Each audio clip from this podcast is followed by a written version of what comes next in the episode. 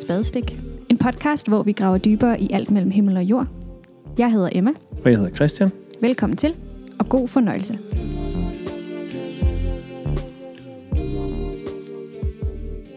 Velkommen til en ny episode af Spadestik, hvor vi har besøg af Therese.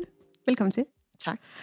Og inden vi begiver os ud i en spændende snak om kirke og kvinder og feministisk teologi, så vil jeg egentlig bare lige høre, om du har lyst til at præsentere dig selv. Jamen, det kan jeg godt. Jeg hedder Therese Møller, og jeg er præst i U-kirke. Og øh, der laver jeg en masse sådan utraditionelle ting i forhold til, hvordan man er kirke, og hvordan man laver ting, der ligesom kan, kan bygge en bro til kirkefremmed og ind til kirken. Det synes jeg er helt vildt spændende. Ja. Jamen, jeg vil ikke sige, at jeg er mor. Jeg siger det bare. Vi sidder og venter på det. Overhovedet ikke. nej, nej, men det... det Hvorfor er vil du ikke sige, at du er mor? Det er fordi, det bliver sådan en øh, standard, du ved, kvinde og mor øh, til to guldklumper, eller tre. Jeg har tre, så det er lidt dumt, at jeg sagde to, men altså... Det kan godt være kun to af dem er guldklumper. Ja. Ja. Nej, men jeg prøver sådan at, øh, det ved jeg ikke, det er sådan en lille aktivistisk ting, Ja. tror jeg, Ja. fordi at kvinder bliver altid sådan, øh, skal altid præsentere sig med øh, ligesom deres relationsforhold til andre mennesker, og ikke deres øh, præstationer. Mm. Jeg følte, de ventede på den, Nej, Nej, det var bare det- en fordom. Det gjorde jeg ikke. jeg ventede ikke på noget. Men der er, nogen, der, der, der er nogen, der præsenterer i længere tid, og så er der nogen, der gør det kort. Det er lidt meget forskelligt jo. Ja. Øhm, ja. Men det er jo faktisk meget sådan, lige i forhold til emnet jo, om Ja. hvordan man præsenterer sig selv, og hvordan sætter man sig i relation Ja. til andre. Og vi har jo nu her, hvor vi optager, der har jo lige været fejring af 75-året for Ja. de første kvindelige præster i Ja. Folkekirken. Ja, og der har der også været lidt diskussion faktisk om, hvorvidt er det noget, der skal fejres. Er det egentlig lidt underligt, at vi fejrer det, for vi fejrer ikke kvindelige læger og alle mulige Nej. andre.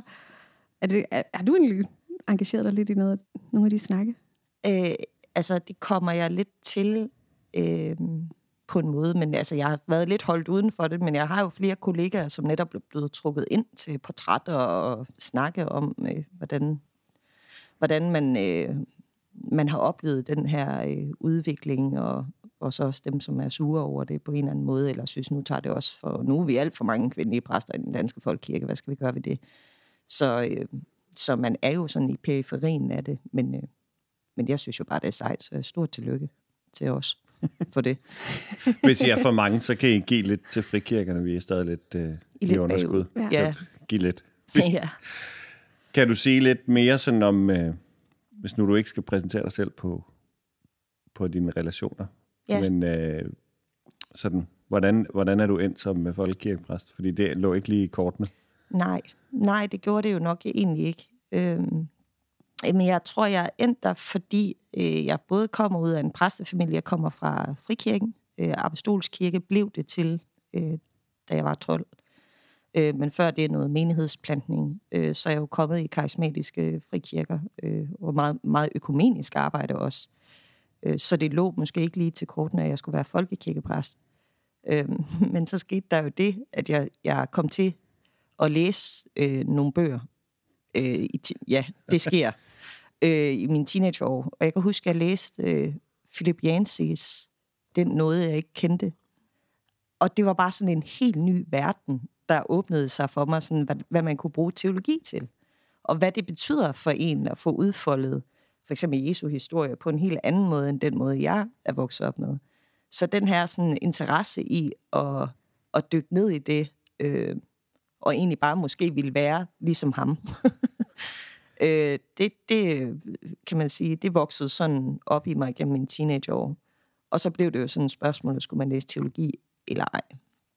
Og, øh, og heldigvis havde jeg sådan okay støtte til det. Øh, men det var faktisk sådan, synes jeg, på det tidspunkt, at man var lidt kritisk over for de i frikirkelige sammenhæng. Altså, så bliver du præsenteret for så mange ting, og mange mister troen. Man skulle være virkelig sådan, det var lidt bedre, at man gik på den der bibelskole et eller andet mm. sted i Norge, eller med nogen, man kendte. Øh, men jeg gjorde det jo så alligevel, og jeg havde også nogen fra kirken, som var teologer, og jeg synes faktisk, at det var vigtigt, at det var, ikke jeg siger, at en kleinsmed ikke kan være præst, men det var måske den tradition, der lidt havde været før, øh, hvor jeg jo netop synes, det der med at gå i dybden, det, det var ret sejt, at man kunne det, øh, og at man kunne give nogle kvalificerede svar på forskellige ting.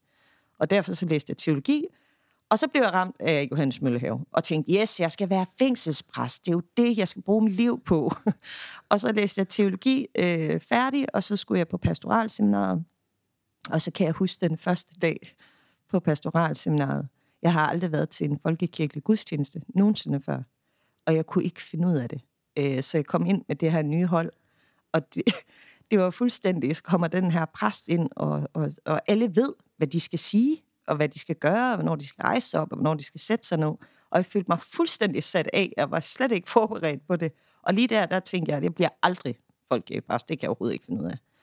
Øh, men så tror jeg alligevel, der var sådan noget, der gærede lidt i mig. Og så tænkte jeg, hvis nu jeg alligevel kan finde noget lidt mere utraditionelt, så, så tænker jeg faktisk godt, jeg vil. Så tog jeg nogle vikariater nogle forskellige steder, og så, øh, så endte jeg med at blive præst i U-kirke, som passer mig godt, fordi det, det nok er et eller andet mærkeligt midterpunkt imellem nogle fløje. ja.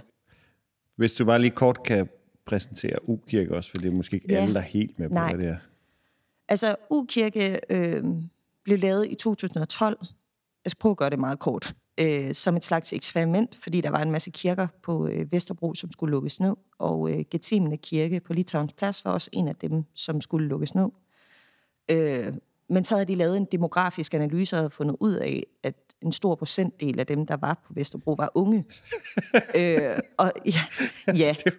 Nå. Men, ja, men, øh, men det var jo faktisk lidt nyt, eller kan man sige, det var jo det gamle arbejderkvarter. Det var mm. jo sådan meget nedslidte mennesker, udsatte folk og hjemløse og prostituerede og narkomaner.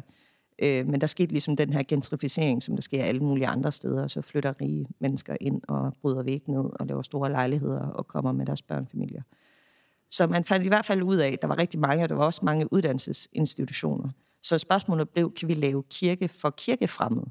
Så det er altså en kirke, som egentlig ikke er målrettet folk, der i forvejen kommer i en kirkelig kontekst og har det godt der, hvor de er. Det skal de blive ved med at være. Men hvordan kan vi ligesom øh, invitere dem, der er helt lokalt på Vesterbro, ind øh, og skabe noget kirke, der giver mening for dem? Og det gør vi så ud fra blandt andet et manifest, men også ved, at det hele er samskabelse, så det hele er skabt af unge til unge for unge. Øh, og det fungerer ret godt. Øh, og så er så udfordringen jo selvfølgelig også, hvordan hvordan taler man om kristendom til folk, der ikke i forvejen øh, ligesom er indforstået med det kirkesprog, vi har. Så det får sådan mange sjove udtryk, og, øh, og der er mange, der kan blive sure på os på alle mulige måder. Så, så det er også sådan lidt en, sådan at sætte sin røv i klaskehøjde, tror jeg, at være præst i ukirke. Men jeg synes, det er mega fedt. Ja. Mm. Fedt.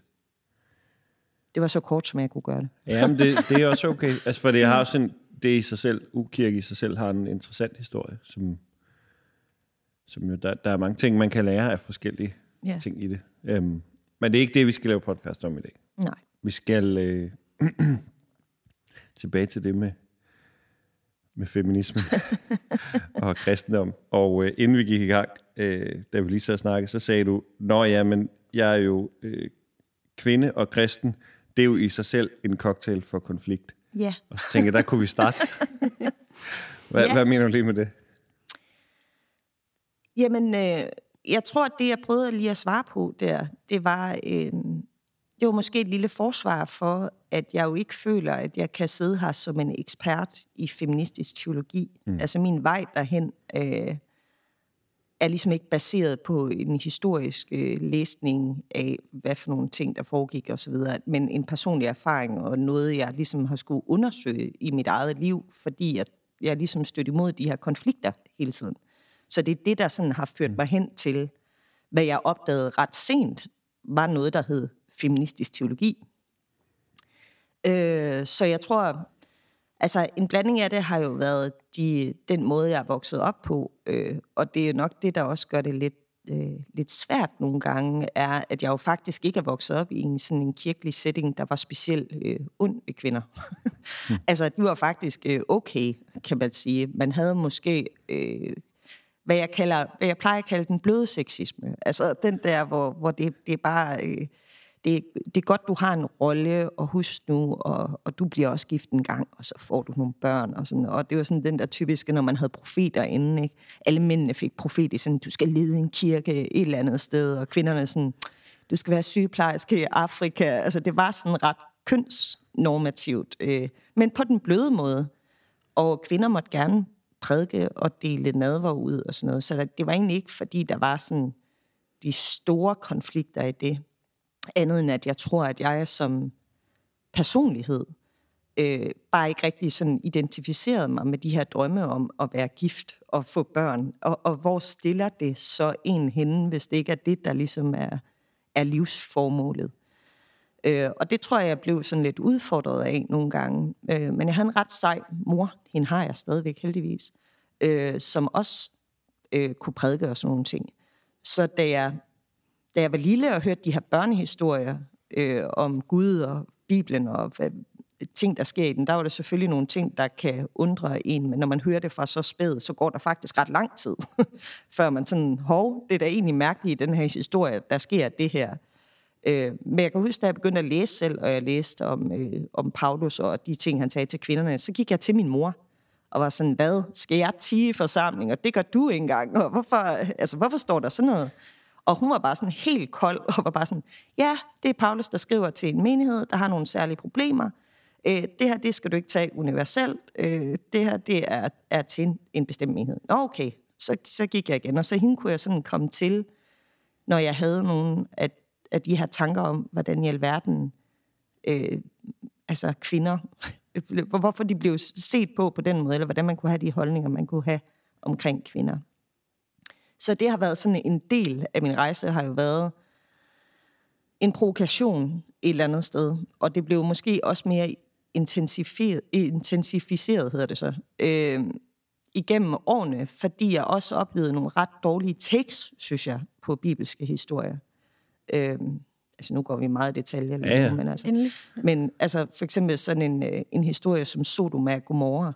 Øh, jeg var også tidligt måske lidt kritisk over for, for vores syn på homoseksuelle, som i hvert fald på det tidspunkt var, at folk enten var født besatte eller sindssyge, eller de skulle bare blive helbredt for det her.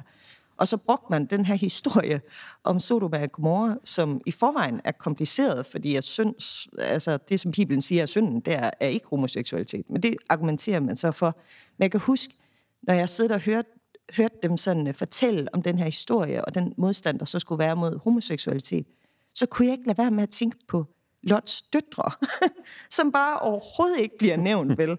Altså, åh, det er så forfærdeligt, at den by skulle brændes ned, fordi der kom nogen og ville voldtage nogle engle. Men han siger, jeg kaster mine døtre ud til jer, så kan I have det sjovt med, med dem. Og det var bare sådan, okay. Eller den, den øh, var der ikke rigtig nogen, der tog.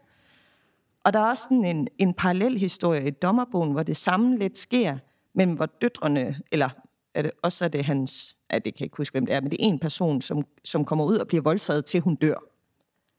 Og altså de der syn, hvor jeg tror, at man som kvinde måske kan tage det mere ind, mm. at, at uh, kvindesynet, for eksempel i det gamle testamente, er så snævert, og sådan, man hører ikke om deres indre liv.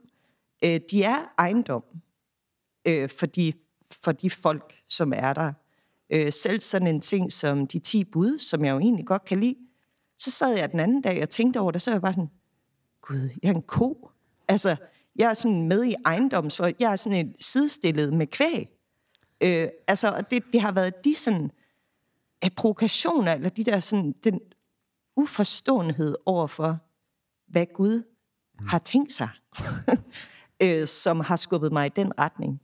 Men der har også været en sekulær øh, bevægelse, altså sådan almindelig feminisme, altså også, at det er jo ikke kun kirken, der, der ligesom har noget med de her kønsroller, men der er jo også sådan en hyperseksualisering i det sekulære mm. øh, samfund. Også nogle klare regler om, hvordan kvinder skal gebære sig, og hvad de kan finde ud af.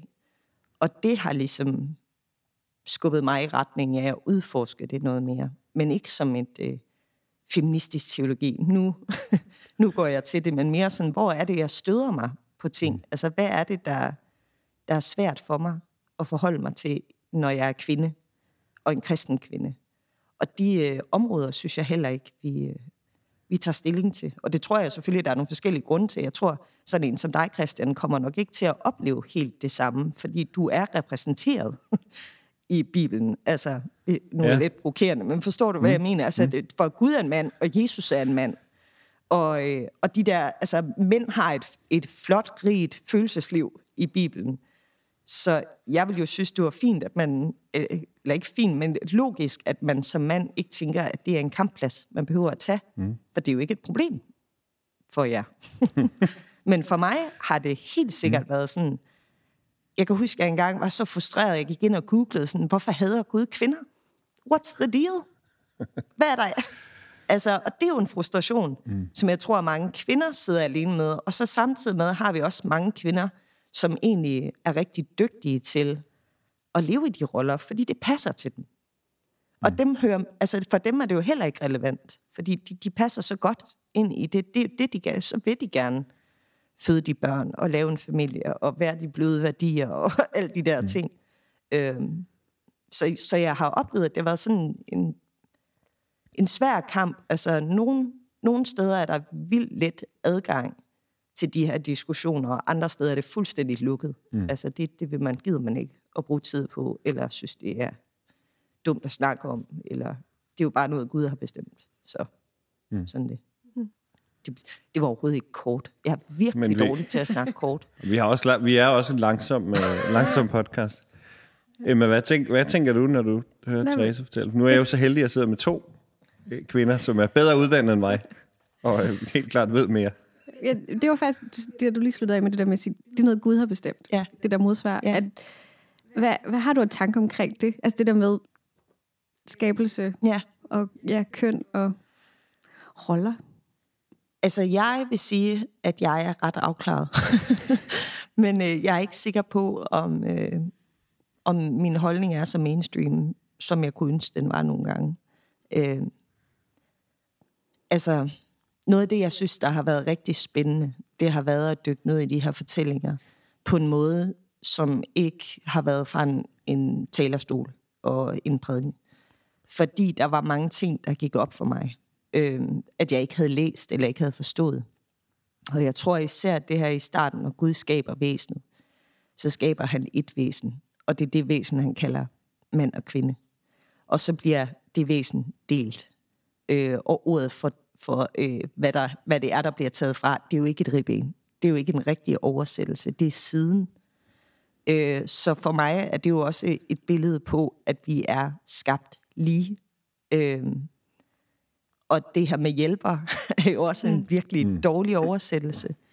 Øh, det er jo måske mere en, en beskytter eller en en slags redningsmand. Der er mange mænd, der virkelig står af på det, fordi det, de har ikke brug for nogen savior i hvert fald. Og det er jo Kristus, der er det. Øhm, men i hvert fald, at det der med, at, at kvinden sådan er skabt til at pusle om en mand, mm. og sørge for, at han dur, det er jeg jo ikke enig i.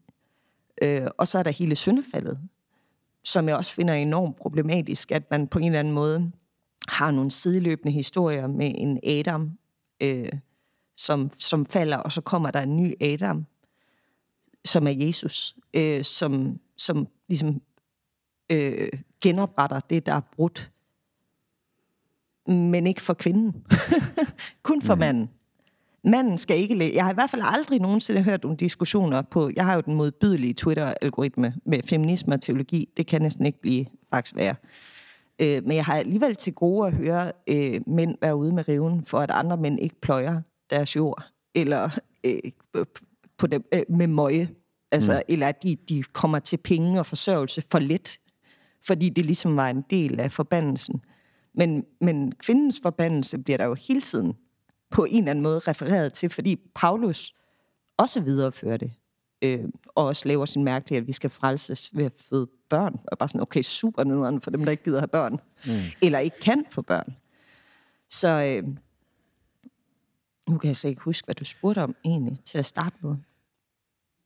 Jamen, det var det der ja, med skabelsen og Guds ja. mening. Jeg tror, og... jeg er sådan rimelig afklaret med, at hvis jeg som kvinde skal forstå, hvad jeg tror, at det Jesus og hans historie er ude på, så er jeg ikke et sekundært væsen i forhold til Gud. Og, øh, og det ironiske er jo også, at, at jeg tror, at nogen vil være meget sådan, hvorfor er du egentlig overhovedet kristen? Eller sådan, hvis nu du... altså, du kan jo bare lade være, og så behøver du ikke at slås med de ting. Men for mig er det jo været sådan en, en... Altså, jeg er kristen, fordi jeg har et gudsnærvær. Og det gudsnærvær, jeg oplever, det er jo ikke kønnet. altså, jeg, jeg har ikke et oplevet køn, hmm. når jeg snakker med Gud. Det er jo ikke sådan... Øh, at, at når jeg taler med Gud, så er han sådan, du skal være mor til et stort folk, eller sådan et eller andet, hvor jeg tænker, om det er fordi, jeg, jeg har nogle gaver, eller et eller andet som kvinde. Altså, jeg, jeg taler med Gud meget sådan en til en, ud fra mm. hvem jeg er. Øhm, og på den måde tror jeg, at jeg, jeg oplever ikke de der skæld i, at jeg skal noget andet, end en Christian mm. skal, for eksempel. Øh, men at det er de samme ting, der sådan gør sig gældende, og vi får givet nogle gaver, og vi skal bruge de gaver, og vi skal ikke stå sådan og gatekeepe for, hvem der må gøre hvad. Altså, mm. ja, det, har været, det tror jeg, det har været meget vigtigt for mig. Men det er jo på plads for mig. Så er det jo mere sådan det der med, hvad gør jeg så, når jeg møder det? Mm. For jeg møder det faktisk hele tiden. Og jeg vil sige, at jeg møder det meget blødt, i, øh, udover måske den kirkelige højrefløj, men ellers så møder jeg det jo ret blødt. Men det er jo alle mulige ting, som øh, er der kvinder repræsenteret på plakater til konferencer, mm. er der... Øh, altså lytter man fra en kvindes standpunkt til de forskellige tekster, som bliver læst, øh, udfolder man øh, gudsbegrebet som kvinde, eller feminint også. Øh, mm. Sådan nogle ting begynder man at lægge mærke til, når man dykker ned i det. Ting, som man måske aldrig har tænkt over før. Og det, det synes jeg er meget berigende og meget udvidende. Øh, og, det har jo også udvidet sig til mere end bare feminisme. Altså, feminisme dækker jo også over mere end bare kvinder. Øh, men altså det her med strukturelle forhold øh, for homoseksuelle, eller for udsatte, for fattige, for alt muligt. Mm. Det der med at få et andet take på det, end vores, øh, end vores kirkehistorie har præsenteret os for. Det synes jeg er ret vigtigt.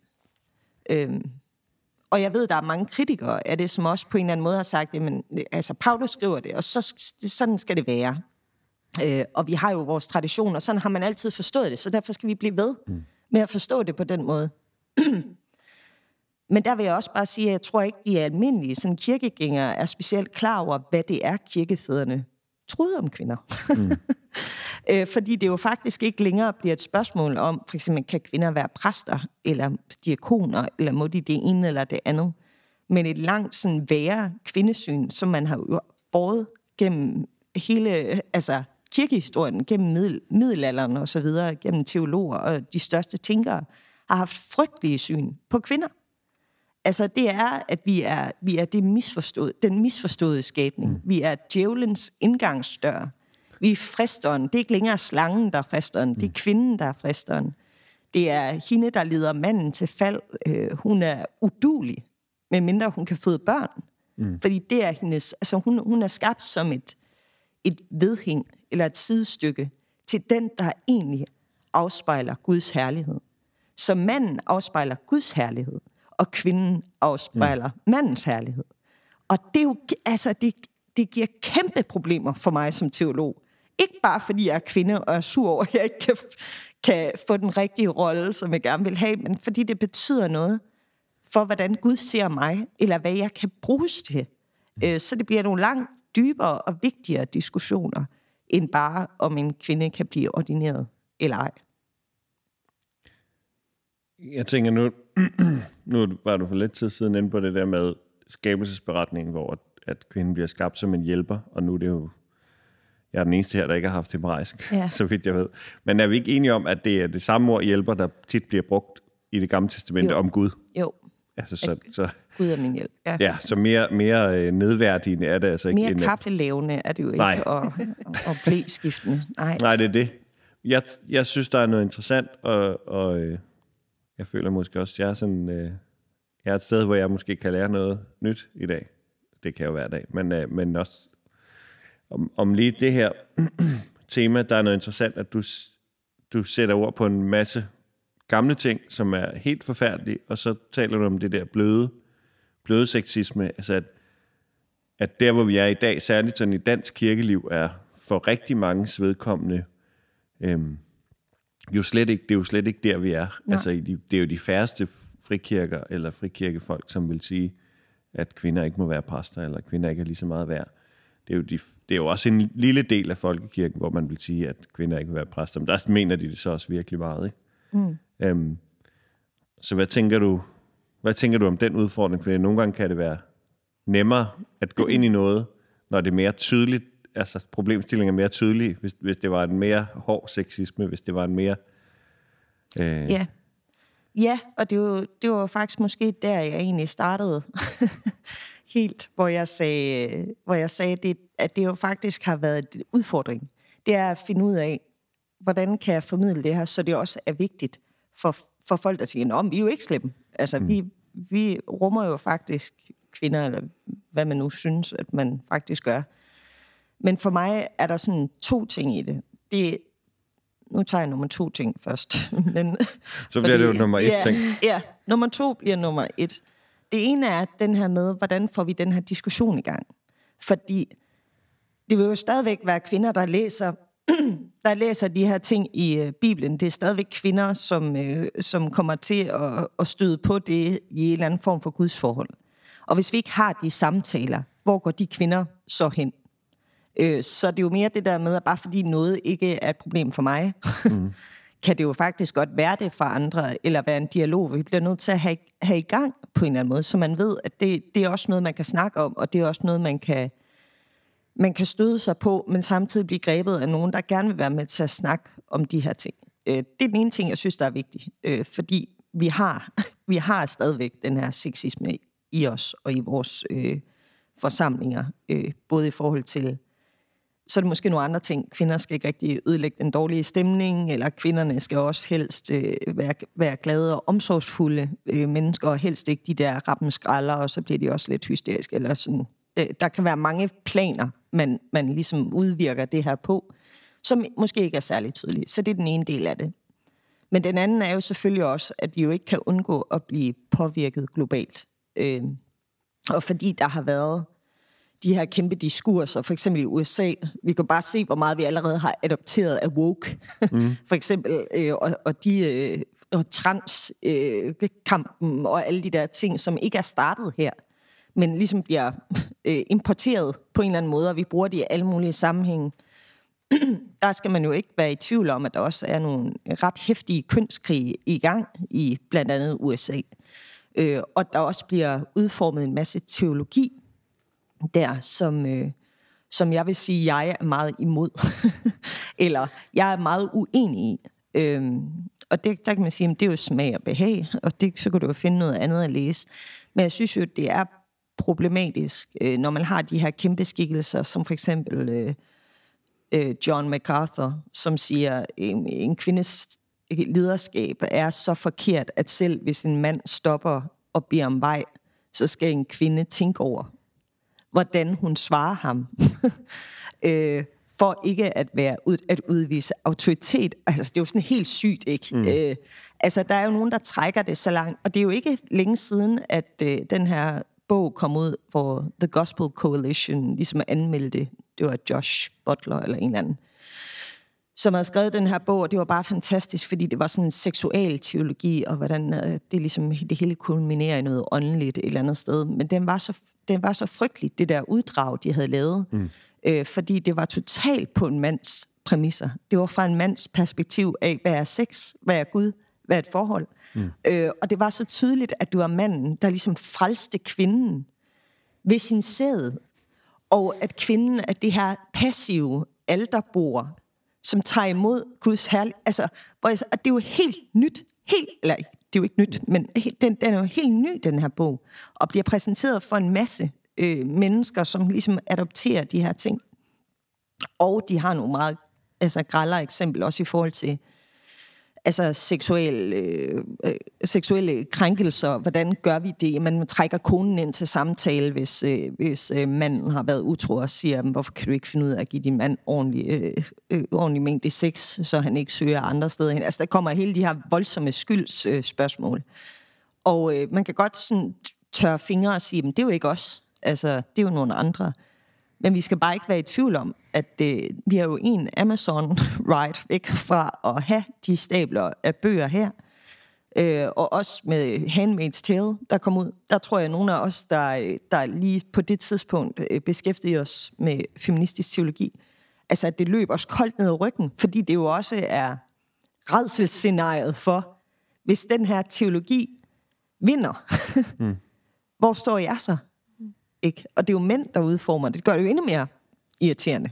At det er jo ikke engang kvinder, der mm. står for det, men det er ligesom mænd, der sådan skal bestemme, hvad vores rolle er som kvinder, eller hvad vi må i en kirkelig setting, eller hvordan vi skal værdisætte vores liv og de ting, vi gør. Så langt ude, at nogen vil jo ikke sende deres øh, kvinder, kvindebørn, hvad hedder det, døtre, plejer vi at kalde dem. I, fol- I folkemunden kalder vi dem døtre. De vil ikke sende dem på universitetet, for der er ikke nogen grund til det. Det er jo bare spild af tid. Du skal lære at passe et hjem, og du skal lære at støtte din mand. Og, og for nogen er det jo øh, måske drømmen. For mig er det jo et fængsel, uden lige, at man ikke har lov selv mm. til at, at være et helt støbt menneske for Gud, og finde ud af, hvad er det, Gud har givet mig af evner og talenter og tanker, og hvordan er det, kan jeg, hvordan kan jeg bidrage på en fri måde, øh, uden at det sådan er på forhånd sat. Ja. Giver det nogen mening overhovedet? Mm-hmm. ja, i høj grad. jeg kan også godt der, Handmaid's Tale, det, synes jeg, det var så virkelig ubehageligt. Og det, ja. var, og det der med, at der bliver brugt bibelcitater, ja. og det er netop den der oplevelse jamen, det er jo faktisk også nogle gange lidt det, der sker ja. i Gamle Testamente. Ikke? Det er det, sådan, Og det gør bare helt ondt. helt ind i kroppen. Ja. Uh-huh.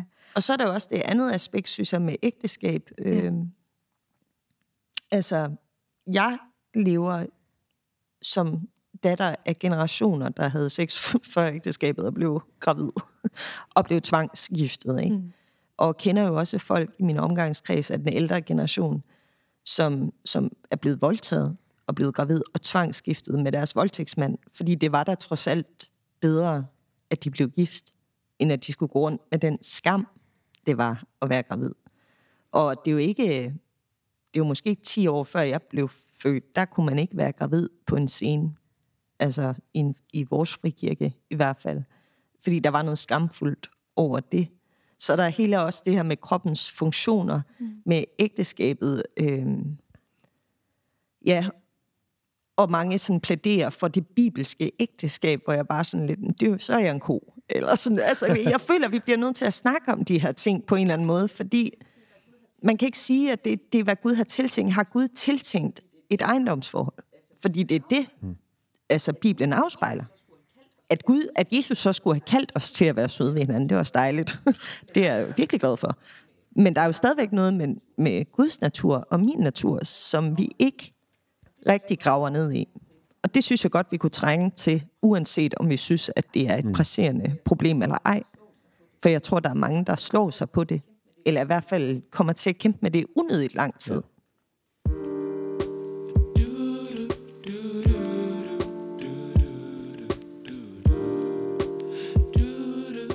der er jo ekoer af, af mange af vores episoder, og det er ikke for, at jeg skal sidde og gøre reklame for dem, fordi dem, der hører det her, er her jo allerede. Men jeg tænker på, altså, når du siger det som, som om, at det er en, det er en, øh, ah, men, det, men det er også en gammel ting, øh, at så blev folk tvangsgift, hvis de havde haft sex før ægteskabet. Det, men det er, jo ikke noget, det er jo ikke noget, som vi er færdige med at tale om heller. Altså, Nej. Fordi da vi, da vi lavede episoder bare med to. Vi talte om lige inden vi gik i gang med at optage, da vi lavede nogle episoder med to unge, der fortalte, at de jo nok ikke lige havde ventet til, de blev gift med at have sex med den, de nu øh, stadig er gift med. Så, så væltede det jo et med henvendelser. Mm. Både af folk, der synes, det var befriende, men også af folk, der synes, ej, det kan, det kan man slet ikke, det kan man slet ikke sige.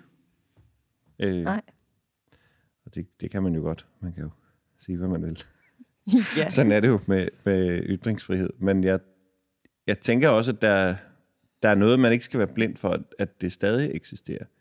Ja, og det var sådan set egentlig heller ikke for at sige, at det kun foregik engang. Hmm. Men jeg kan tale, altså ud fra min opvækst, øh, der, der var det, hvis der kom unge frikirkemænd ind, så var det sådan, de havde næsten stien brolagt ikke, til op til den her prædikestol. Ikke? Altså nu, nu, vi kan se, og du er bare on fire, og sådan, og skal vi ikke hjælpe dig? Men der oplevede jeg jo nogle helt andre hindringer. Jeg nåede aldrig at prædike, prædike selvom jeg flere år før sagde, det vil jeg gerne. Er der nogen, der kan hjælpe mig? Er der noget? Fordi det var ikke standard.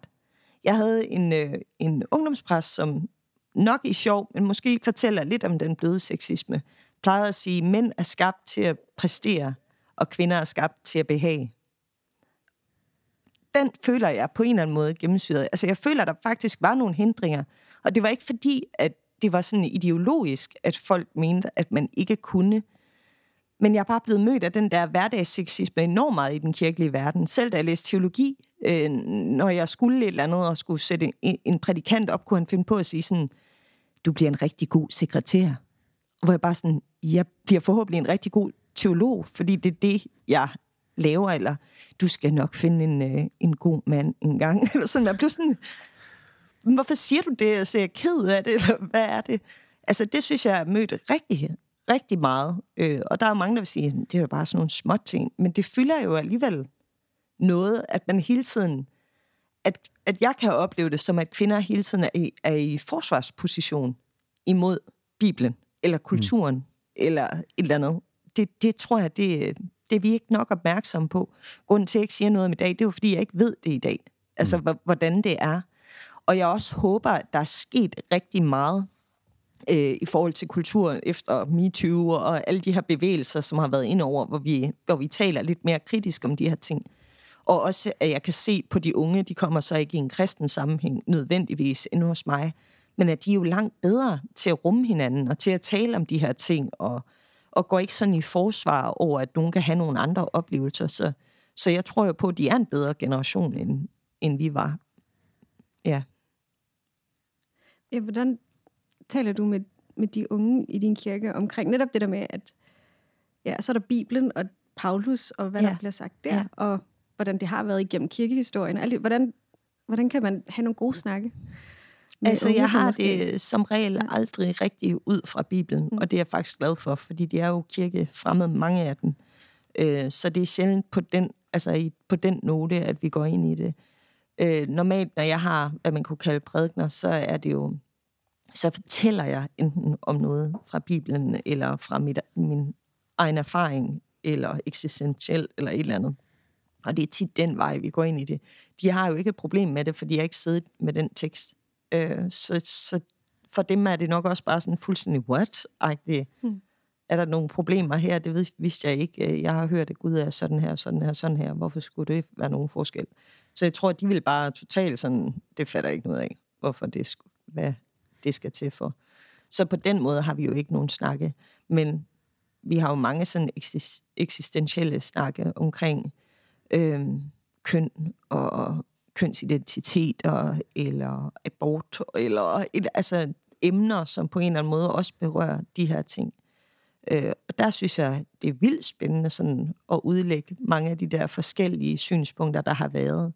Øh, jeg synes jo, det er jo min fornemmeste opgave er jo at nuancere det. Øh, ikke at komme med et svar. Nu skal jeg lige fortælle dig, hvad du, der står bagerst i facitbogen, men, men ligesom at invitere ind i den her samtale, fordi jeg tror, det er en samtale, vi aldrig bliver færdige med.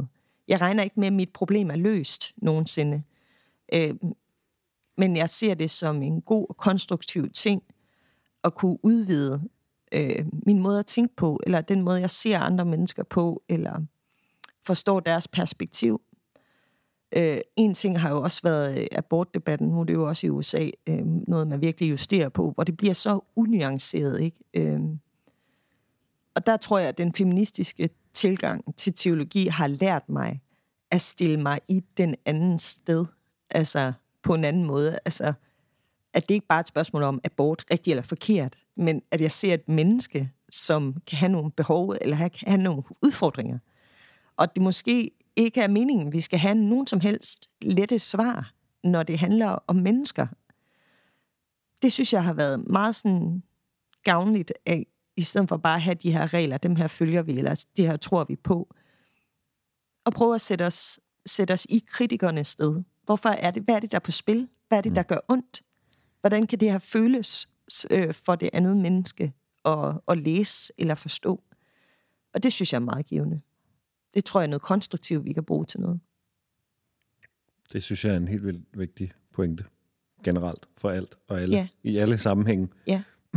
at prøve at sætte sig i andre steder, også sætte sig i øh, de, de sted, kan man ja. I det, prøv at sætte sig ind i, hvordan ja. andre er det. Også dem, ja. der er forskellige fra en selv, eller kom, bringer nogle andre perspektiver. Ja. Jeg synes, der, der er der er sådan en ting, jeg har været lidt nysgerrig på, mens, mens vi har snakket sammen, som det kunne være sjovt at høre begge to omkring, fordi øh, det der med Bibelen som kvinde, altså det er jo rigtigt, som du sagde for lang tid siden, Therese, at det er jo, det er jo nogle ting, jeg aldrig, op, jeg aldrig mærker som mand, fordi jeg er fuldt repræsenteret i alle mulige sammenhæng, på godt og ondt som mand i Bibelen, mm. og øh, Jesus er en mand, og Gud, Gud har også et maskulin pronomen i Bibelen. Men hvordan, hvordan går I til Bibelen? Det kunne måske være, at I begge to kunne svare på det. Øh, går I til Bibelen som kvindelige teologer med, med det, I nu er, og når I læser ting, altså hvad, hvad gør I med det, sådan teologisk og personligt? Hvis I kunne svare kort på det. Ja, øh, altså jeg håber, jeg forstår det rigtigt. Øh, men jeg går, altså, det der har været med hele min udfordring, er jo netop, at jeg ikke går rundt med et oplevet køn altså, jeg, jeg går ikke rundt og tænker, nu er jeg kvinde, der går ned ad gaden. Eller mm. sådan, altså, jeg er jo bare mig. Øh, og selvfølgelig er jeg jo også kvinde. Men, men øh, de gange, jeg bliver opmærksom på det, det er jo, når nogen kønner mig. Eller mm. når nogen øh, øh, siger noget, som er rettet mod mit køn. På godt eller ondt. Øh, det er der, jeg oplever mig som et køn. Så når jeg læser Bibelen, læser jeg ikke som kvinde. Men det er klart, at hver gang jeg støder på ordet kvinde, så er det jo mig. Mm. Så kan jeg jo lige sætte Therese ind der. Øh, og det giver nogle forfærdelige billeder, kan jeg godt sige, når man gør det. Fordi der er ingen agens, vel, øh, hos rigtig, rigtig mange af de kvindenavne, som er i Bibelen. Altså en kæmpe stor procentdele har jo ingen agens overhovedet. Altså de bliver jo bare flyttet rundt som brikker og handlet med. Og så har man så de her historier med nogle kvinder, der rent faktisk gør noget fantastisk.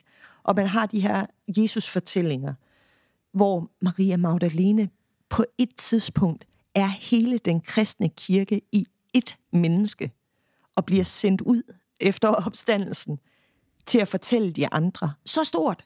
Og, og du ved, hele pangdangen til skabelsesberetningen i forhold til, at så blev manden skabt, og så blev kvinden skabt, og her har vi Jesus, der bliver skabt, altså født af Gud og kvinde. ikke som man har repræsenteret en masse ting, og efter opstandelsen, jeg mødte havemanden, ikke? Øh, mm. eller jeg troede, han var havemanden. Der sker noget med de her fortællinger, de, de er parallelle på en eller anden måde. Og så går der bare freaking 200 år, så er der bare, øh, altså, så er Ma- Maria Magdalene en prostitueret, ikke? Og altså, så skal vi have mm. alting øh, ordnet ind i kasser. Så selvom vi har de her smukke fortællinger om kvinder, og selvom at vi har øh, Gud som hønemor, og som kvinden, der taber en mønt, og som alle de her ting, så er det overhovedet ikke repræsenteret. Altså gudstjenesten, folkekirkelig gudstjeneste også, udover at vi er begyndt at få mange kvindelige præster, rent liturgisk og prædikenmæssigt, er det for mænd til mænd. Altså, vi har lige sådan Maria bebudelse, og sådan, vi har sådan, uh, vi er også kukuk-agtige. Men ellers så er det jo meget sådan på, på øh, hvad kan man sige, det maskulines præmisser. Øh, Hvilket det er sjovt, kan, for der, er jo, der er jo flest kvinder i, i, i hvert fald frikirkerne, ikke? Ja, ja, det er der jo netop. Det er også lidt. Men vi ser jo også Jesus som en blød mand, skal vi sige. Det er, det er han jo også nogle gange. Ja. Nogle gange er han lidt hård. Han kan godt være lidt hissig. Altså.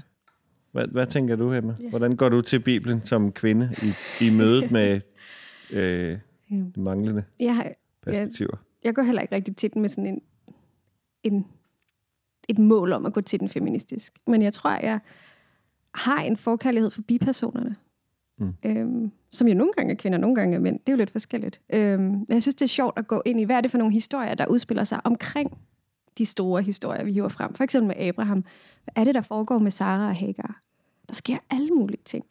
Og det er jo ikke sådan, der vil man jo gerne bare kunne hive frem og sige, ej, hvor er kvinderne bare fantastiske og stærke og sådan noget, men de behandler også hinanden sindssygt dårligt. Mm. Men så kunne man måske snakke om, hvad er det måske også, der sker, når man som kvinder på den måde bliver gjort til en, en rugemaskine, og der er noget med nogle børn, og hvad og med arv og alt, altså, hvad er det måske også for nogle, nogle samfund, de har levet i, der måske har gjort, at man ikke har været så søde mod hinanden alligevel. Men, og så ja, og det der med, ja, så kommer Hagar ud i ørkenen, og er den første, der ligesom, og muligvis også den eneste, der får lov til at give Gud et navn. Men det er jo Abraham, vi altid snakker ja. om. Det er altid. Abraham. Ja. Han er troens fader, og han er stamfaren for alle. Og sådan. Så det, jeg tror, at det, det tror jeg, det er meget det, det handler om. Det handler ikke om, at jeg vil se kvinderne. Jeg tror måske mere, at jeg godt kunne tænke mig også at se de historier, der udspiller sig omkring de store linjer på en eller anden måde. Øhm, Ja, mm. fordi jeg tror også, man kan sige, nu snakker vi jo meget som køn og mænd, men der er der helt klart også mænd, der kan føle sig fanget i den der patriarkalske mm. Absolut. læsning. Så det er jo lige så meget også, det handler jo ikke kun om at frigøre et, altså et traditionelt kvindekøn, det handler om at frigøre alle øhm, fra nogle fastlåste roller. Og det er der, der sikkert også nogle, nogle mænd, der har kæmpet med en gang imellem, mm. at få at vide, at du skal være leder og hoved i din husholdning og sådan noget. Det er der måske heller ikke alle, der har lyst til det. Jeg kan så absolut ikke se mig selv i sådan et klassisk øh, syn på, hvad en mand er. Mm. Og samtidig kan jeg sikkert godt for nogen virke en lille smule patriarkalsk, men det er bare, fordi jeg er lidt stedig og lidt for forelsket i mine egne idéer. Men det har ikke noget med mit køn at gøre. Det, det er noget Ja. ja. ja. Nå, det var, det var en, øh, en ja. biting. Øhm, skal, vi slutte, øh, skal vi slutte med Jesus? Det, det synes jeg kunne være interessant, fordi vi har været rundt omkring øh, mange forskellige ting, og jeg er ikke nået til det, jeg tænkte, vi skulle tale om, og det er meget fedt. jeg synes, det kunne være øh, spændende at høre, hvordan, hvordan ser du, og måske I, Jesus som potentiel feminist. Nu har vi ikke engang defineret feminisme, men altså, I, ja. I må slå det op på nettet. Ja. Øh, hvad, hvad, altså, hvad, hvor passer Jesus ind i den her ligning, og i, i, en, i den snak om, at, at gudstjenesten er formuleret for mænd, Bibelen er formuleret for mænd. Altså, hvor, hvor ser Jesus i den her ligning? Altså for mig, øh, for mig er Jesus bare totalt the good guy. øh, også selvom han, han, at der sker nogle ting, hvor jeg tænker, okay, det kunne godt lige have snakket lidt pænere, synes jeg. Men, men ultimativt, når jeg læser de her Jesus-fortællinger, så så læser jeg en, der, der gør op, eller der genopretter, eller altså sådan fejrer noget nyt ind. Øh, og det er jo også det, jeg synes, der er så ærgerligt, at man får sådan en historie om, selv hedningerne kan være med, men kan kvinderne egentlig være med? altså, så sådan, nu er det for alle, eller måske lidt. For jeg synes faktisk, at det er det, jeg læser, øh, og det er det, det er det, jeg forstår ved Jesus, altså, og hans, øh, både hans fødsel og hans død og hans opstandelse at det var for os alle sammen. At der ikke er øh, slaver og træl og romer og græker og mand eller kvinde. Øhm, men vi er alle et i Gud. Så for mig bliver det også sådan et teologisk øh, håndtag, kan man sige. Jeg hænger mig lidt i der. Øhm, og det ødelægger Paulus bare nogle gange, synes jeg. Ja. Eller, der, der sker i hvert fald noget i forhold til, hvem er det egentlig, der vægter her, eller hvordan, hvad er ens skriftsyn også, ikke? Jo. Altså, som, som kan give nogle fuldstændig forkert, eller ikke forkerte, men forskellige øh, holdninger til det der. Men for mig er Jesus den, der så kvinderne, og dem, der sendte dem ud, og, og ikke talt ned til dem, og holdt dem øh, til sig som, som hans disciple. Og det er da det er primært det, mm. jeg synes, der er vigtigt. Det er, hvordan, hvordan han ligesom udtrykt sin omsorg for kvinder. Ja. Jeg ved ikke, hvad du synes. Nej, men det er jo, det er jo nok meget det samme. Ja.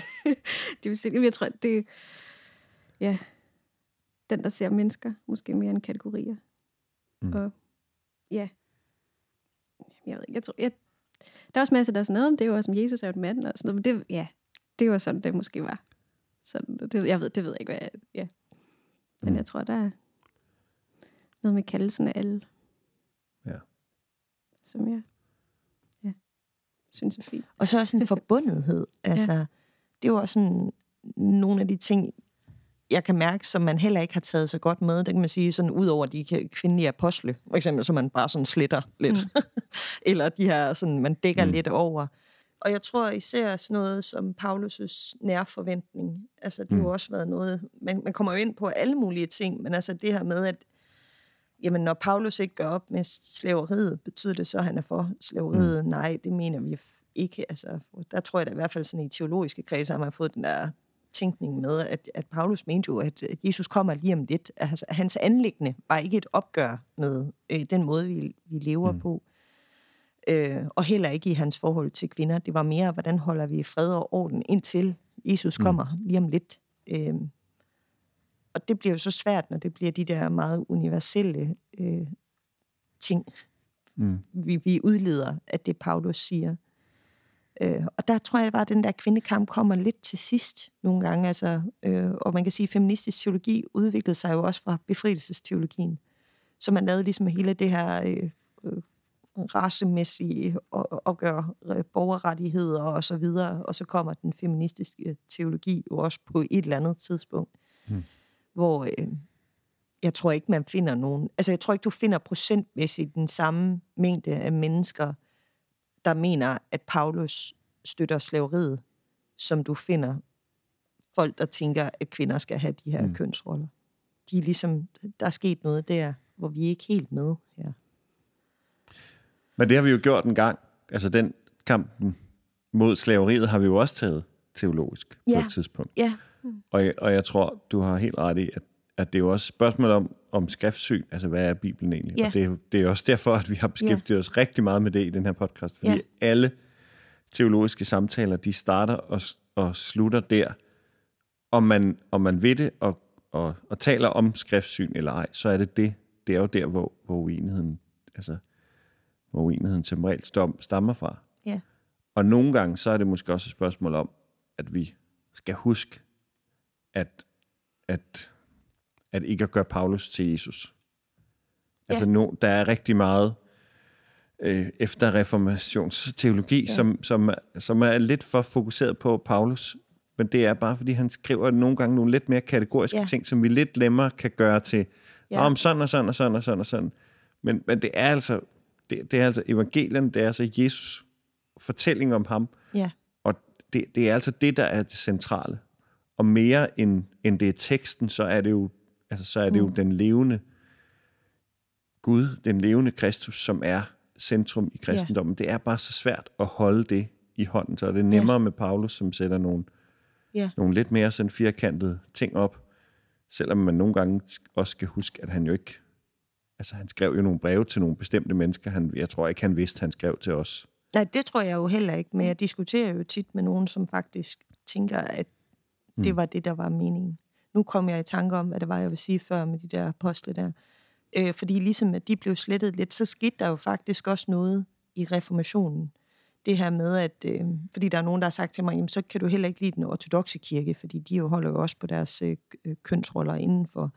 Men jeg vil sige, der hvor den, både den ortodoxe og den katolske kirke jo alligevel har noget, det er, at de har en meget fremhævende øh, feminin øh, ikonologi, eller mm. et eller andet. Altså man bruger meget af det her Maria øh, aspekt og billeder, så man til gengæld, selvom at man har de her meget rigide holdninger til, så er kvinder repræsenteret på en anden måde i den katolske og den mm. ortodoxe kirke. Noget, som vi smed ud med Luther. Fordi nu skulle vi ikke have det der helgendyrkelse, og vi skulle ikke have... Men det gjorde jo også, at, at synet på kvinden, som jo før havde været både... Øh, altså, det der luder Madonna-syndrom, man har kørende. Nu har vi så kun luder. Øh, og det er jo træls kan man sige, for mm. mange.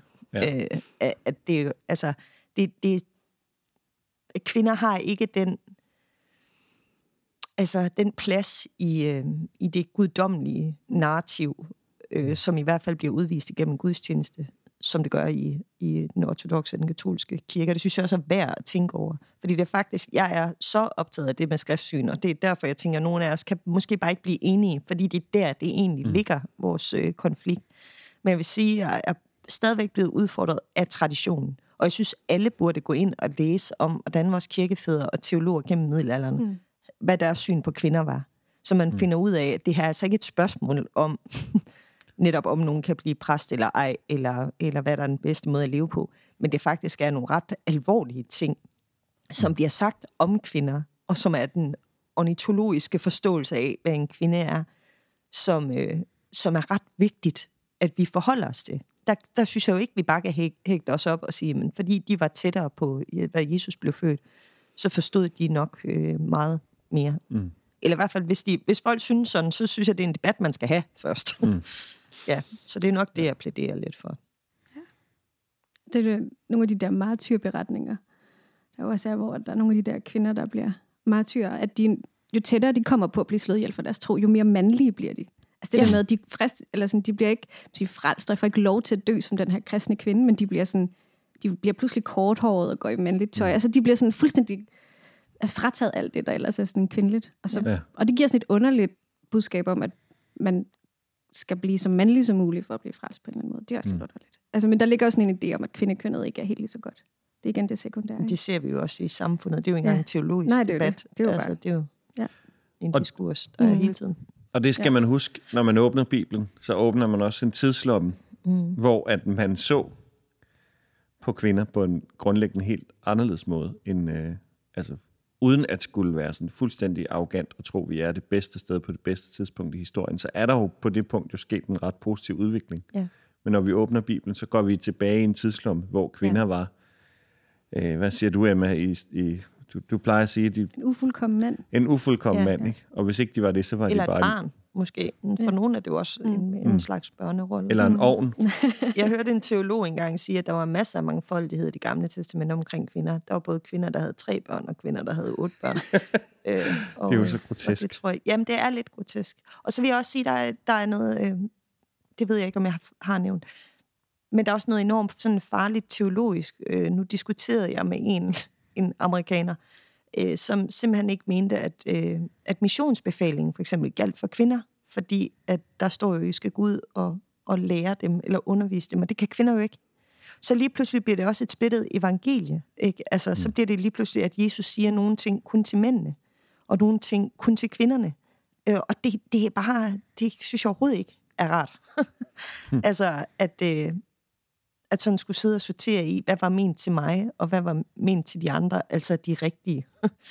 det, det, det er en fare, jeg tror, mange mm. måske ikke holder sig for øje, når de begynder at sige sådan nogle ting. Øh, sådan, hvad er vores frelsesteologi, for eksempel, for mænd ja. henholdsvis kvinder? Er det det samme for alle?